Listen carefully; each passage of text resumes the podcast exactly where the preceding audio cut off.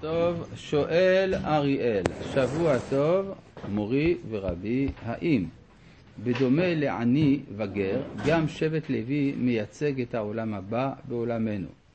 או האם יש מקום לומר שתפקידם לייצג את עולמנו בעולם הבא? תודה לרב ולצוות. אכן, הלוי זה כמו העני והגר, זה מי שאין לו נחלה. אז יש שלושתם מייצגים את אותו עיקרון של עולם הבא בעולם הזה.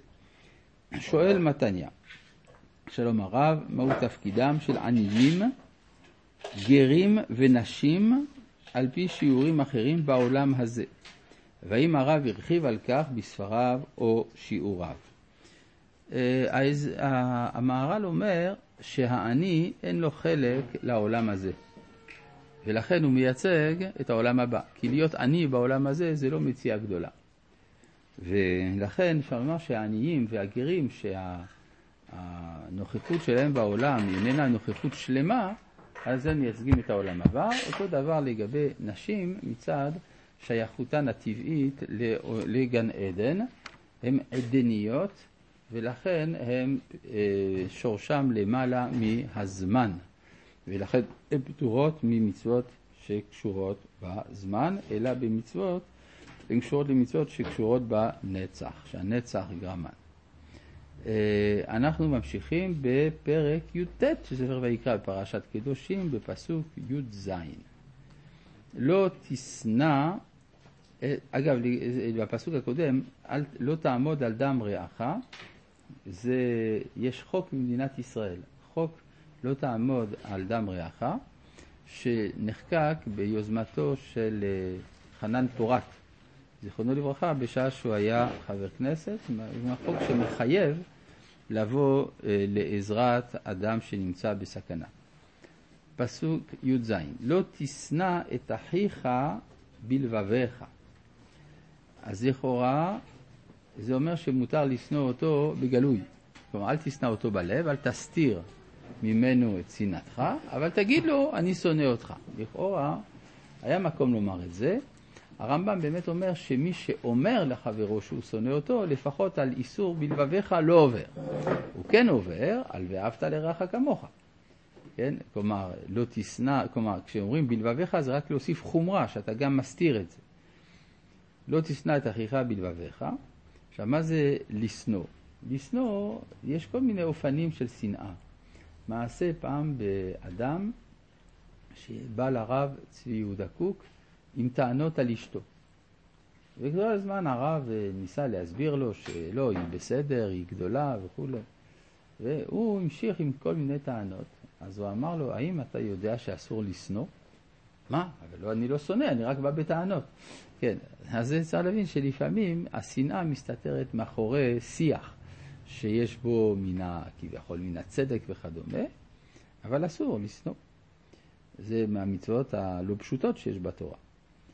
הוכח, תוכיח את עמיתך, ולא תישא עליו חטא. טוב, מצוות תוכחה היא מצווה רחבת אה, ידיים מאוד. מה התוכן של מצוות תוכחה? מצוות תוכחה זה להחזיר בתשובה, ככה הרמב"ם כותב. זאת אומרת, הרואה חברו שחטא, או הלך בדרך שאינה ישרה, מצווה להחזירו למוטב, שנאמר הוכיח תוכיח. לכן, אם הנאמר הוא לא באופן שעשוי לגרום לחברו לחזור בתשובה, אז זה לא תוכחה. אז מה זה כן? זה יכול להיות מחאה. לפעמים יש צד של מחאה, ואז המחאה, אין מצווה בתורה למחות. לפעמים המחאה היא דבר הרצוי, לפעמים היא דבר מזיק. אז זה, אבל זה לא מדין תוכחה. לפעמים המחאה זה משחרר עצבים. למשל, אדם קצת עצבני, הוא במתחים וכולי, אז הוא הולך וצועק שבס. הדבר הזה, יש בו צד של בריאות, זאת אומרת, זה בריא לאדם לפרוק את העצבים, אבל מצוות תוכחה אין כאן. מצוות, עכשיו, זה, יש על זה מכתב מעניין, התכתבות בין אחד מרבני הונגריה, ממשפחת סופר, עם הרב צבי יהודה קוק. Uh, התשובה של הרב ציודה נמצאת, זה נקרא תשובה ובירור דברים, נמצא בסוף, מודפס בסוף uh, ספר לשלושה באלול של הוצאת מכון הריצייה, ושם יש הרבה מאוד טענות, זה, המכתב הזה נכתב בזמנו ש, של הרב קוק, כשהרב קוק היה חי. ואז אה, אותו אדם, אותו רב, שולח לרב ציודה שורה של טענות שטוענים בהונגריה נגד הרב קוק. אחת מהן זה מדוע אבא שלך מדבר עם החילונים בסגנון נציונלי ולא בסגנון, בסגנון תורתנו הקדושה. כן, מדבר איתם בשפה לאומית.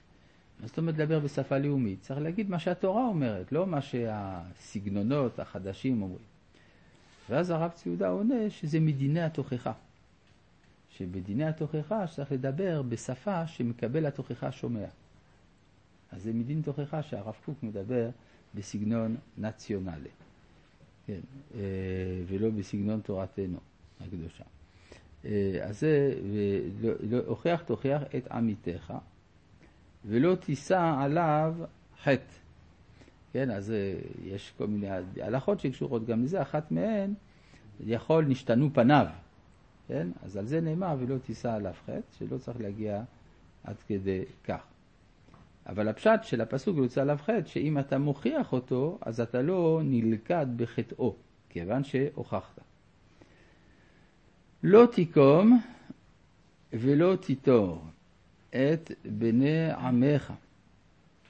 מה זה לא תיקום ולא תיטור? תיקום זה להשיב רעה על רעה, לנטור זה להשיב, אה, זה לא להשיב, זה בדיוק העניין, אלא למשל, אתה רוצה את המקוש שלי, איני כמוך שאתמול לא השאלת לי את המעדר. כן? אני דווקא טוב, אני, סימן שאני נותר שנאה בלב, נותר מלשון שומר, לא תיקום ולא תיטור. עכשיו לגבי לא תיקום ולא תיטור, כמו כל ההלכות, זה, יש בזה כללים. לפעמים אסור לנקום, לפעמים מותר לנקום, ולפעמים מצווה לנקום. זה תלוי, זה כמו גם בהריגה. אסור להרוג, אבל לפעמים מותר, ולפעמים חייבים. אז במקרה הזה של הנקמה, אה, בדיני, זה נאמר בדיני ממונות, לא תיקום, זה נאמר בדיני ממונות. אבל אדם שהיכה את חברו, מותר לו להכות בחזרה. קילל אותו, מותר לקלל לו בחזרה. האם זה מידה טובה? לא תמיד.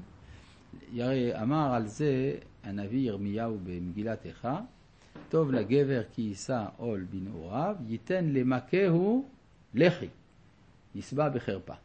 כן? כלומר, ירמיהו אומר לנו שאם אדם נתן לך מכה ללחי, תושיט לו את הלחי השנייה. כן? זה בירמיהו.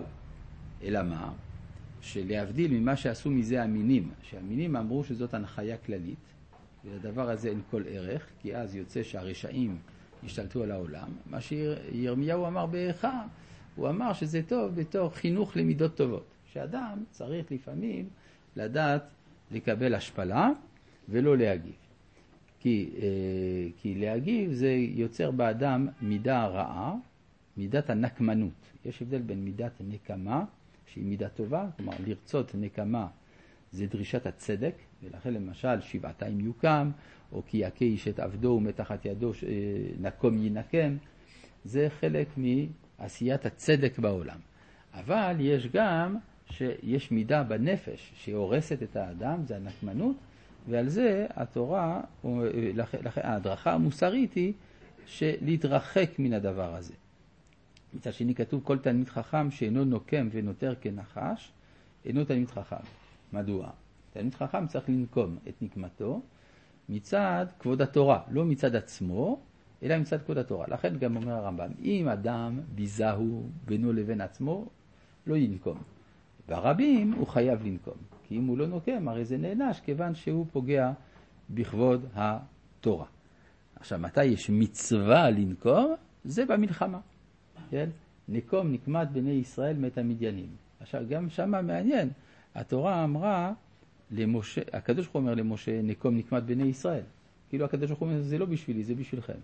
כשמשה אוסף אנשים לצבא, אז הוא אומר לנקום, לתת נקמת השם במדיין. כלומר, זה לא בשבילנו, זה בשבילו. גם כשהנקמה מחויבת, אבל אין האדם חפץ שהיא תהיה מיוחסת אליו. כן, ואפילו הקדוש ברוך הוא לא מעוניין בדבר הזה, אז לא תיקום ולא תיטור את בני עמך, זה היסוד הכללי, אבל יש לזה אה, כמובן גם יוצאים מן הכלל כפי שביארנו. רבי חנניה, בבקשה אומר